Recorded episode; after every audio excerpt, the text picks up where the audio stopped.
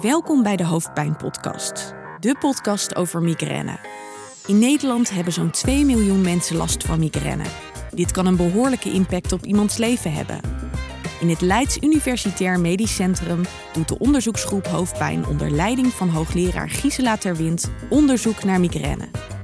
In deze serie ga ik, Annemiek Lely, met verschillende onderzoekers in gesprek. Wat is migraine precies? Welke verschillende vormen zijn er? Hoe kan het behandeld worden? En wat doet de onderzoeksgroep hoofdpijn nou eigenlijk?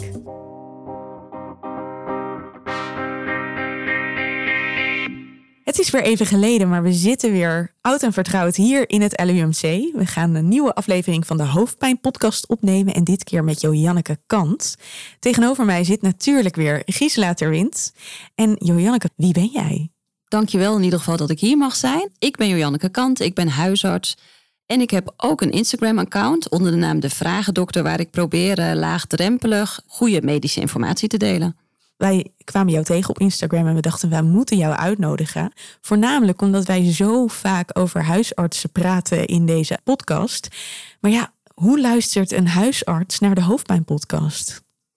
Nou, in het voorgesprek met jullie uh, was mij verteld uh, dat ik mij niet te veel mocht voorbereiden. Dus dat heb ik niet gedaan. En ik zei net al tegen jou, het voelt een beetje alsof ik nu een examen heb zonder dat ik heb geleerd.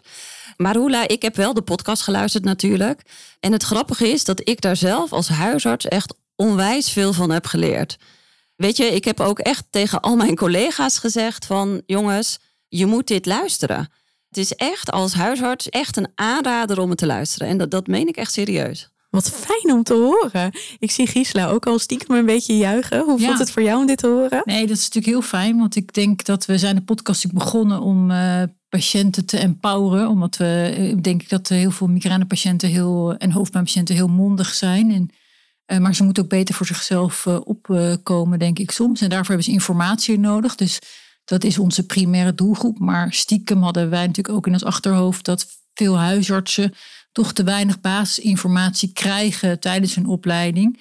En dit is denk ik een hele makkelijke manier om gaandeweg een beetje wat uh, praktische tips te krijgen. Die zowel voor patiënten als voor huisartsen en ook voor neurologen trouwens heel nuttig kunnen zijn. Ja, het is een snelle manier. Ik had het daar net met Joanneke ook over. Als iets onderzocht wordt en er zijn uitkomsten, dan heeft het nog een heel traject voordat het daadwerkelijk bij de huisarts terechtkomt. En op deze manier kunnen we al informatie sneller geven als mensen natuurlijk luisteren. Tegelijkertijd hebben we bijvoorbeeld ook heel vaak over die richtlijn gehad, die dan op een gegeven moment maakt dat een huisarts weet wat te doen in welke situatie. Janneke, jij zei al tegen mij, ik moet soms echt in een kwartier beslissen. Kun jij daar iets over vertellen? Wat gebeurt er op het moment dat iemand bij jou in de praktijk komt en zegt, nou, ik heb me toch een hoofdpijn? Ja, nou, ik heb er natuurlijk wel over nagedacht. Hè. Waarom weet ik sommige dingen niet die jullie vertellen, terwijl ze misschien wel in mijn richtlijn staan? Want dat ging ik dan natuurlijk gelijk opzoeken. Ik denk hoe dat het gaat, wat de realiteit is. Iemand komt bij mij binnen, die heeft een klacht. En als ik geluk heb, dan staat die klacht al in het scherm als ik iemand binnenroep. Dus dan weet ik, oké, iemand komt voor hoofdpijn. Dan heb ik inderdaad 15 minuten, of afhankelijk van waar ik werk, soms 10 minuten, soms 15 minuten, soms 20 minuten. En dan moet eigenlijk je hele plan rond zijn. Nou, dan ga je met iemand praten. Daar ben je vaak toch al een minuut of tien mee bezig. Voordat je het verhaal duidelijk hebt. En of dat je denkt van nou, dit is migraine of niet. Maar dan moet je nog een plan gaan maken. Dan moet je nog kijken wat past bij iemand. Hè? Waar is iemand zelf naar op zoek? En weet je, heel eerlijk, en ik denk dat dat voor heel veel huisartsen geldt. Ik weet die richtlijn niet tot in de detail uit mijn hoofd. En ik denk dat er talloze richtlijnen zijn. Die kan je natuurlijk niet allemaal kennen. Nee, ik weet niet hoeveel er zijn. Maar ik weet wel dat het er heel veel zijn. En misschien wel een mooi voorbeeld. Een van de dingen die jullie op een gegeven moment noemen in de podcast, is dat sumatriptan, als je die in 50 milligram geeft, dan geef je eigenlijk de halve dosering. Nou echt, ik was aan het wandelen toen ik jullie podcast aan het eh, luisteren was. Ik viel bijna om. Want ik ben 13 jaar huisarts en ik denk dat ik nog nooit meer dan 50 milligram sumatriptan heb voorgeschreven aan patiënten met migraine. Toen ging ik kijken in de richtlijn, want ik dacht van, ja, doe ik het dan helemaal niet goed? Wat staat er in mijn richtlijn? Daar staat dat de begindosering 50 milligram is tot een maximum van 300 milligram per dag. Maar ik heb dat nooit geïnterpreteerd als zijnde van je mag ook met 100 milligram starten, want dat staat nergens. Nee, dit is denk ik wat we ook eerder besproken en wat ik ook heel vaak als ik onderwijs geef aan huisartsen zeg. Je hebt als het ware de receptuur, dus je hebt de ingrediënten Dus je weet sumatriptan 50 tot 300 milligram, maar niemand zegt hoe je het dan precies moet bereiden. Dus hoe je je recept maakt tot een, leuke appeltaart. Dus hoe je de receptuur gebruikt op je individuele patiënt, dat staat onvoldoende gespecificeerd. En daar heb je ook eigenlijk helemaal geen zin om te lezen. Ik, ik lees zelf nooit richtlijnen. Ik vind verschrikkelijke monsters van dingen. En het is heel moeilijk dus om, om hele korte samenvattingjes daarvan te maken voor, voor huisartsen waar ze wat in de praktijk mee hebben. Dus bijvoorbeeld die 50 milligram, daar hebben wij als neuroloog ook wel tegen geprotesteerd. Want we zeiden het gevaar ervan is dat je onderdoseert, dat je terugkeer krijgt van aanvallen. Zeker bij vrouwen met menstruatiegebonden aanvallen. En dan zie je dat dat komt dan niet terug in die richtlijn. Waardoor je dus onderbehandeling eh, krijgt. En ik snap dat je dat als huisarts dan niet uh, door hebt. En daarom is denk ik heel belangrijk om zowel huisarts als patiënten dit te vertellen. Want het is ook aan de patiënt om terug te komen bij Jojanneke en zeggen van joh, ik heb 50 milligram van je gekregen. En het werkt wel goed, maar de volgende dag komt hij terug. Wat zullen we dan nu doen? En je ziet vaak dat patiënten dat dan niet doen. Die denken, oh, ik heb dit gekregen nou, dit zal het dan wel zijn. En die uh, hebben dan niet de moed of de durf of de tijd of de kennis om terug te gaan naar de huisarts om dat te vragen, denk ik. Ja, en ik denk dat je iets heel belangrijks zegt. Ik zie dus relatief heel weinig mensen met migraine in mijn spreekkamer. als je kijkt naar hoe vaak dat, wat jullie benoemen in de podcast, één op de drie vrouwen heeft migraine, ooit. Ik zie ze niet hoor. Dus ik, ik denk dat sowieso dat het belangrijk is om ook te vertellen aan mensen, als je hier last van hebt, ga dan ook naar je huisarts. Want het komt in mijn spreekkamer en ik heb een jonge populatie, hè, gemiddeld tussen de 20 en de 50. Dus ze zouden daar toch echt moeten zitten. Maar ze komen echt heel weinig. Waarschijnlijk vraag je er ook niet altijd naar, want dat herken ik ook zo aan mezelf. Van wat nu heel erg uh, een hot item is, is overgangsklachten. Vrouwen met overgangsklachten. Maar wij vragen niet aan die vrouwen die in overgang zitten. Goh, heb je ook eigenlijk hoofdpijn? En hoe is het met je hoofdpijn? Is het misschien migraine? En is het misschien wat jij overgangsklachten noemt? Is dat niet een gewoon volledig ontspoorde migraine? En hetzelfde geldt voor jonge meisjes met menstruatieklachten. Die komen wel met menstruatieklachten. Maar dan vragen we niet, goh, heb je eigenlijk ook hoofdpijn tijdens je menstruatie? Dus ja, maar dat is ook hoe dat ik meestal achter een migraine kom. Echt exact wat jij vertelt. Menstruatieklachten. En dan zeggen ze van ja, ik heb zo last van mijn menstruatie. En als je dan gaat doorvragen, dan blijkt gewoon dat ze migraine hebben. En ook overgangsklachten, dan blijkt gewoon dat ze migraine hebben. Maar die mensen die komen niet met hoofdpijn. Nee, Jojanneke, waar denk jij nou dat het dan door komt dat mensen niet komen? Ik denk deels omdat mensen zelf het helemaal niet zo herkennen. Dus dat ze denken het hoort gewoon bij mijn menstruatie en bij mijn hormonale klachten. En dat ze helemaal niet doorhebben dat dat niet hoort. En dat ze dus eigenlijk migraine hebben, wat een hersenziekte is en wat niks heeft te maken met de menstruatie. Dus het is echt een soort van interpretatie die mensen eraan geven, terwijl je beter naar de huisarts kan gaan om te kijken hoe de huisarts ernaar kijkt. Ja, en dat komt denk ik ook omdat heel veel vrouwen dat onderling bespreken. Of je vraagt het natuurlijk aan je moeder of je zus of je oma en die zeggen dan, ja maar meisje, dit ken ik. Dit heb ik ook altijd uh, gehad. Dat hoort bij je menstruatie. Dus er wordt heel veel zelf gedokterd. Hè? Dat is ook precies waarom de vragendokter volgens mij uh, op Instagram gekomen is. Jij wil echt bestrijden dat er desinformatie uh, verspreid wordt. Klopt dat? Ja, klopt. Al moet ik zeggen dat ik in het geval van kinderen met koorts wel heel erg stimuleer om eerst je moeder of je oma te bellen in plaats van gelijk de huisarts. soms dus wel. dus soms kan dat heel zinvol zijn. Nee, maar klopt. Kijk, het is zoveel desinformatie, maar ook onwetendheid. Als je ziet wat ik op mijn Instagram-pagina aan vragen krijg, zijn dat hele basale dingen. Mag ik een paracetamol geven als mijn kind koorts heeft? En die basis, die missen gewoon heel veel mensen om te weten, moet ik hier wat mee? En dat probeer ik vooral te vertellen. Heb jij een mythe over migraine die je vaak tegenkomt, die vaak terugkomt? Ik denk dat de, de, de meest voorkomende mythe over migraine is dat je maar gewoon een paracetamolletje moet slikken en niet moet zeuren.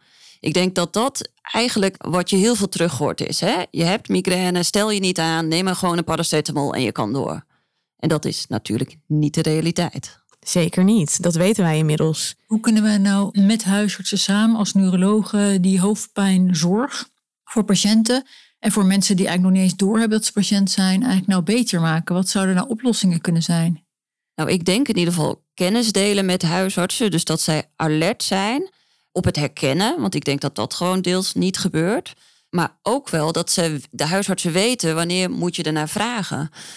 ik denk dat dat, dat dat heel belangrijk is. Bewustwording. Gewoon bewustwording. Wat zijn de symptomen? Waar kunnen die bij passen? Zowel aan de huisartsenkant als aan de patiëntenkant. Ik denk dat dat heel zinvol is. Kun jij, Jojanneke, nog iets vertellen wat jij in de podcast gehoord hebt... waarvan je dacht, dit is echt helemaal nieuw voor mij. Dit kende ik nog niet. Nou, er waren wel een paar dingen, moet ik eerlijk bekennen. Even één ding waar ik echt ontzettend verbaasd over ben... en wat ik eigenlijk ook niet kan geloven... Er wordt natuurlijk een aantal keer in de podcast genoemd. En op een gegeven moment komt jouw zoon en jouw dochter komen ook uh, over het morfinegebruik. Over het gebruik van opiaten bij migraine. En, en ik ben waarnemend huisarts. Dus nou, ik heb echt honderden praktijken gezien in een grote regio. Ik doe heel veel diensten op de huisartsenpost dat je morfine voorschrijft voor migraine, dat herken ik echt totaal niet. Dus ik zie het niet voorbij komen in dossiers van patiënten. Ik word niet gebeld op de huisartsenpost van mag ik eh, mijn, mijn morfine, want ik heb weer migraine.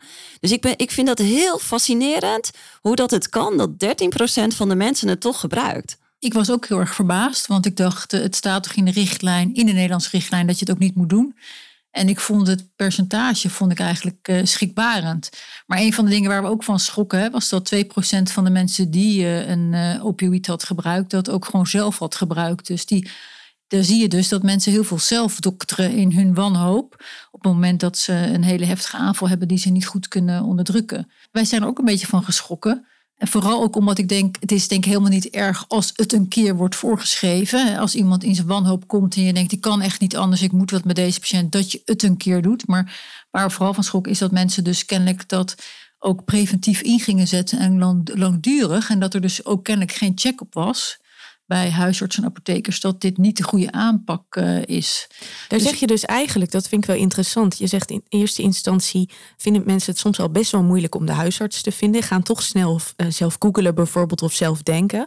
Maar ook als ze op een gegeven moment al medicatie hebben, gaan ze er toch zelf ook mee aan de slag. En dat zelf denken, dat zelf doen, is aan de ene kant waar we voor pleiten. Want dat is self-empowerment van je bent er zelf ook bij. Maar tegelijkertijd, die kennis is er niet voor voor niets. Het is heel erg belangrijk dat het ergens op gebaseerd is wat je doet. En ik denk ook wel dat je het gewoon bespreekt. Ik zeg heel vaak tegen mensen: het maakt me helemaal niet uit wat je hebt gebruikt, maar noem het gewoon eerlijk bij me. Ook als je te veel hebt gebruikt, want anders kan ik je eigenlijk ook niet goed helpen. Want dan ga ik een bepaald pad met je op en dat is misschien niet het juiste pad voor jou. Dus ik moet echt weten wat je gebruikt. En dan hoor ik heel vaak van ook binnen families, dat mensen dan toch uh, triptaan gebruiken van hun vader of moeder, of soms zelfs van de buurman of de buurvrouw. Dat is heel gebruikelijk ook weer niet zo gaar misschien. Maar we beseffen het niet altijd dat dit uh, gebeurt. En ik denk het belangrijkste is dat je gewoon heel open bent in wat je hebt geprobeerd als patiënt. Ook als je je er een beetje voor schaamt, ja, omdat je iets gedaan hebt waarvan je niet zeker weet of het goed is. Nee. Ja, want ik, ik ga daar ook eigenlijk helemaal niet vanuit als huisarts. Dus voor mij was dat ook wel een eye-opener. Van je moet, dus, je moet het ook dus gewoon vragen. Ja. Ja, ik denk dat dat wel echt belangrijk is om te beseffen dat, dat mensen dus ook zelf medicatie gebruiken. En dan niet alleen een onschuldig paracetamolletje, maar meer dan dat. Ja, een voorbeeld wat ik echt nooit zal vergeten was een hele brave mevrouw. En ik kreeg haar migraine niet onder controle. En toen zei ze na een half jaar, zei ze tegen mij, ja, ik, ik heb afslankpillen via internet besteld. En die bleken vol met amfetamine te zitten. Dus die zat onder de amfetamine. En daarom had, kreeg ik haar migraine niet onder controle. En ik had, ja, ik had natuurlijk naar drugs gevraagd, vaak had bij iedereen. Dat gebruikte ze ook niet, dacht ze. Maar dat bleek ze dus achteraf wel te gebruiken, zonder dat ze het door had. En dat heeft mij ook weer geleerd dat het ook heel belangrijk is om te vragen naar welke alternatieve behandelingen mensen ook tegelijkertijd proberen. Zoals cannabisolie, dat wordt ook heel veel gebruikt. Microdosering met paddo's afslankmiddelen. Dus je moet echt uh, expliciet vragen aan mensen: wat doe je nu op dit moment zelf? Of wat gebruik je nog zelf als alternatieve behandelingen voor je hoofdpijn? Wees als patiënt volledig in de informatie die je geeft aan de arts. Dat is self-empowerment, om het zo maar te zeggen. Ik ga nog even naar Jojanneke, want waar we het nog niet over gehad hebben, is dat jij zelf ook migraine hebt. Ja, klopt. Maakt dat voor jou verschil, denk je, als je iemand in de spreekkamer krijgt die migraine heeft, dat je denkt: oh ja, ik snap een beetje waar diegene vandaan komt? Nou, dat denk ik zeker. Ik, ik moet je eerlijk bekennen dat ik de eerste jaren dacht dat ik iets van paniekaanvallen had of zo. Want waar het bij mij altijd heel erg mee begint, is extreme misselijkheid. Ik krijg ook een wat snellere ademhaling. Dus ik, ik dacht altijd, nou ga ik dan nu hyperventileren? Ja, en dan ging ik maar naar bed, want ik voelde me zo beroerd en dan was het de volgende dag over. En ik heb drie kinderen en dus ik heb heel lang eh, ben ik of zwanger geweest of heb ik borstvoeding gegeven. Ik heb uh, migraine die gerelateerd is aan de menstruatie. Dus eigenlijk als ik niet menstrueer heb ik geen migraine. En als ik wel menstrueer, dan heb ik eigenlijk altijd tijdens elke menstruatie migraine. Dus ik heb een jaar of vier, vijf geen menstruatie gehad door alle zwangerschappen en borstvoeding. En op een gegeven moment dacht ik, hé, hey, wat gebeurt er nu? Elke keer als ik ongesteld ben, dan krijg ik dit. Dus toen dacht ik opeens, oh, maar dit is gewoon migraine. Dus het heeft bij mij heel lang geduurd voordat ik dat herkende. Ja, dat maakt nu dat ik er juist extra alert op ben. Omdat ik dus, dus me er bewust van ben dat het niet het klassieke verhaal hoeft te zijn van je hebt alleen maar hele heftige hoofdpijn. En dat is migraine, maar dat het dus ook een heel ander beeld kan zijn. Dus ik denk dat ik daar veel alerter op ben op te spreken. En ik ben mij ontzettend bewust van de impact dat het heeft op je leven. Want als ik migraine heb, dan heb ik al twee dagen, nou ja, een dag daarvoor dat ik het voel, hè, dat ik een beetje misselijk ben, een snelle ademhaling, dat ik denk, oh, gaat hij nou wel of niet? Dan krijg ik een beetje hoofdpijn aan één kant. En dan opeens is het klaar en dan zet het door. En, en dan krijg ik een migraineaanval. Nou, duik ik mijn bed in, neem ik mijn pijnstillers. Maar dan is het niet over als mijn migraine over is. Want dan moet ik vaak nog twee, drie dagen bijkomen. En dan, dan ben ik echt helemaal niks waard die dagen. En weet je, dat wetende dat dat zo'n effect heeft op, op je hele leven, dat heeft voor mij heel veel verschil gemaakt als huisarts. Ook met de adviezen die ik geef. Want ik ben nu heel strikt. Ik had pas een zwangere en die had migraine. Maar die werkte ook nog gewoon door. En die had de ene migraineaanval naar de andere. En dan zeg ik gewoon tegen kappen nu. Stoppen met werken. Je gaat nu de bedrijfsarts bellen. Je gaat je bed in. En ik wil echt dat je een week lang helemaal niks doet. Gewoon nu alleen jij. Ja, dat had ik nooit zo strikt durven zeggen als ik dat zelf niet zo duidelijk had meegemaakt. Dus ik geef heel erg mijn grens aan als huisarts, wat ik vind dat iemand moet doen om iemand daarbij te helpen, zodat hij zijn eigen grenzen kan aangeven op het moment dat hij klachten heeft. Je voelt echt de urgentie. Ja, absoluut. Ja. Hoe klinkt dat voor jou, uh, Gisela, als je dit nu zo hoort? Ik vind het heel herkenbaar dat je patiënten, daar hebben we het eerder ook over gehad, dat je patiënten moet helpen bij op een gegeven moment te zeggen van nee, je bent nu echt ziek. Normaal ben je een normaal gezond mens, maar er zijn momenten dat je ziek bent en aan die ziekte mag je op dat moment toegeven. Het is geen aanstellerij. Ja, dat. Uh, ja. ja. En ik denk dat als je het zelf een keer hebt meegemaakt, dan weet je wat het is. En dan weet je ook dat het, het is niet zomaar hoofdpijn. Het is ook wat Jojanneke ook weer zegt, heel veel meer eromheen. Heel vaak is die hoofdpijn is niet, heel vaak niet het hoofdprobleem. Het is de totaal niet lekker zijn, misselijk zijn, overgeven, heel veel last van het licht en geluid soms hebben, gewoon niet kunnen functioneren. En dat maakt het ook zo ongrijpbaar voor mensen soms. En dan moeten we die mensen bij helpen zeggen van ja, nee, maar nu heb je ook gewoon echt een aanval. Hier kan je niks aan doen. Nu moet je je rust kunnen nemen. Dat begrip daarvoor hebben, dat kan je denk ik beter als je zelf, zelf ervaringsdeskundige bent. Maar nog los daarvan moeten we ook de familieleden van die patiënten leren dat, dat ze dit moeten doen. En niet dat ze. Jouw mantra weer. Ja, want, ja, want ik denk ook nog namelijk dat het dat we oh, hadden over mythologie. Je ziet ook dat er heel veel mythologie is en dat er. Dat mensen voelen zich heel vaak schuldig als ze een aanval hebben.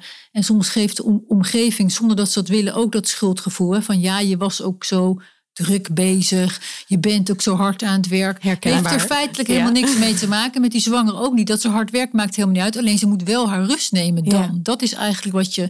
En dat kan heel fijn zijn voor een patiënt als iemand even tegen zegt... oh ja, nee, maar we kennen dit. Dit is gewoon een hersenziekte. Je bent niet verantwoordelijk voor de migraineaanval, want die overkomt je. Je bent wel verantwoordelijk voor hoe je ermee omgaat. Dat is eigenlijk wat het is. Ik uh, kijk naar jullie, want het is alweer tijd. We hebben zoveel gezegd. Maar wat volgens mij heel belangrijk is om, mocht je dit luisteren als huisarts, neem het absoluut serieus. En luister ook even de andere afleveringen, zodat je bij bent met de huidige informatievoorziening als het gaat over migraine. Luister je dit als patiënt, neem jezelf vooral serieus. Wees volledig in wat je tegen een arts vertelt, of het de huisarts of de neuroloog is. Nou, eerst kom je natuurlijk bij de huisarts. Probeer niet te veel te zelfdokteren, want er zijn hier mensen die zitten tegenover mij die hier heel veel van weten. Wil je nog iets afsluitend zeggen, Jo Janneke?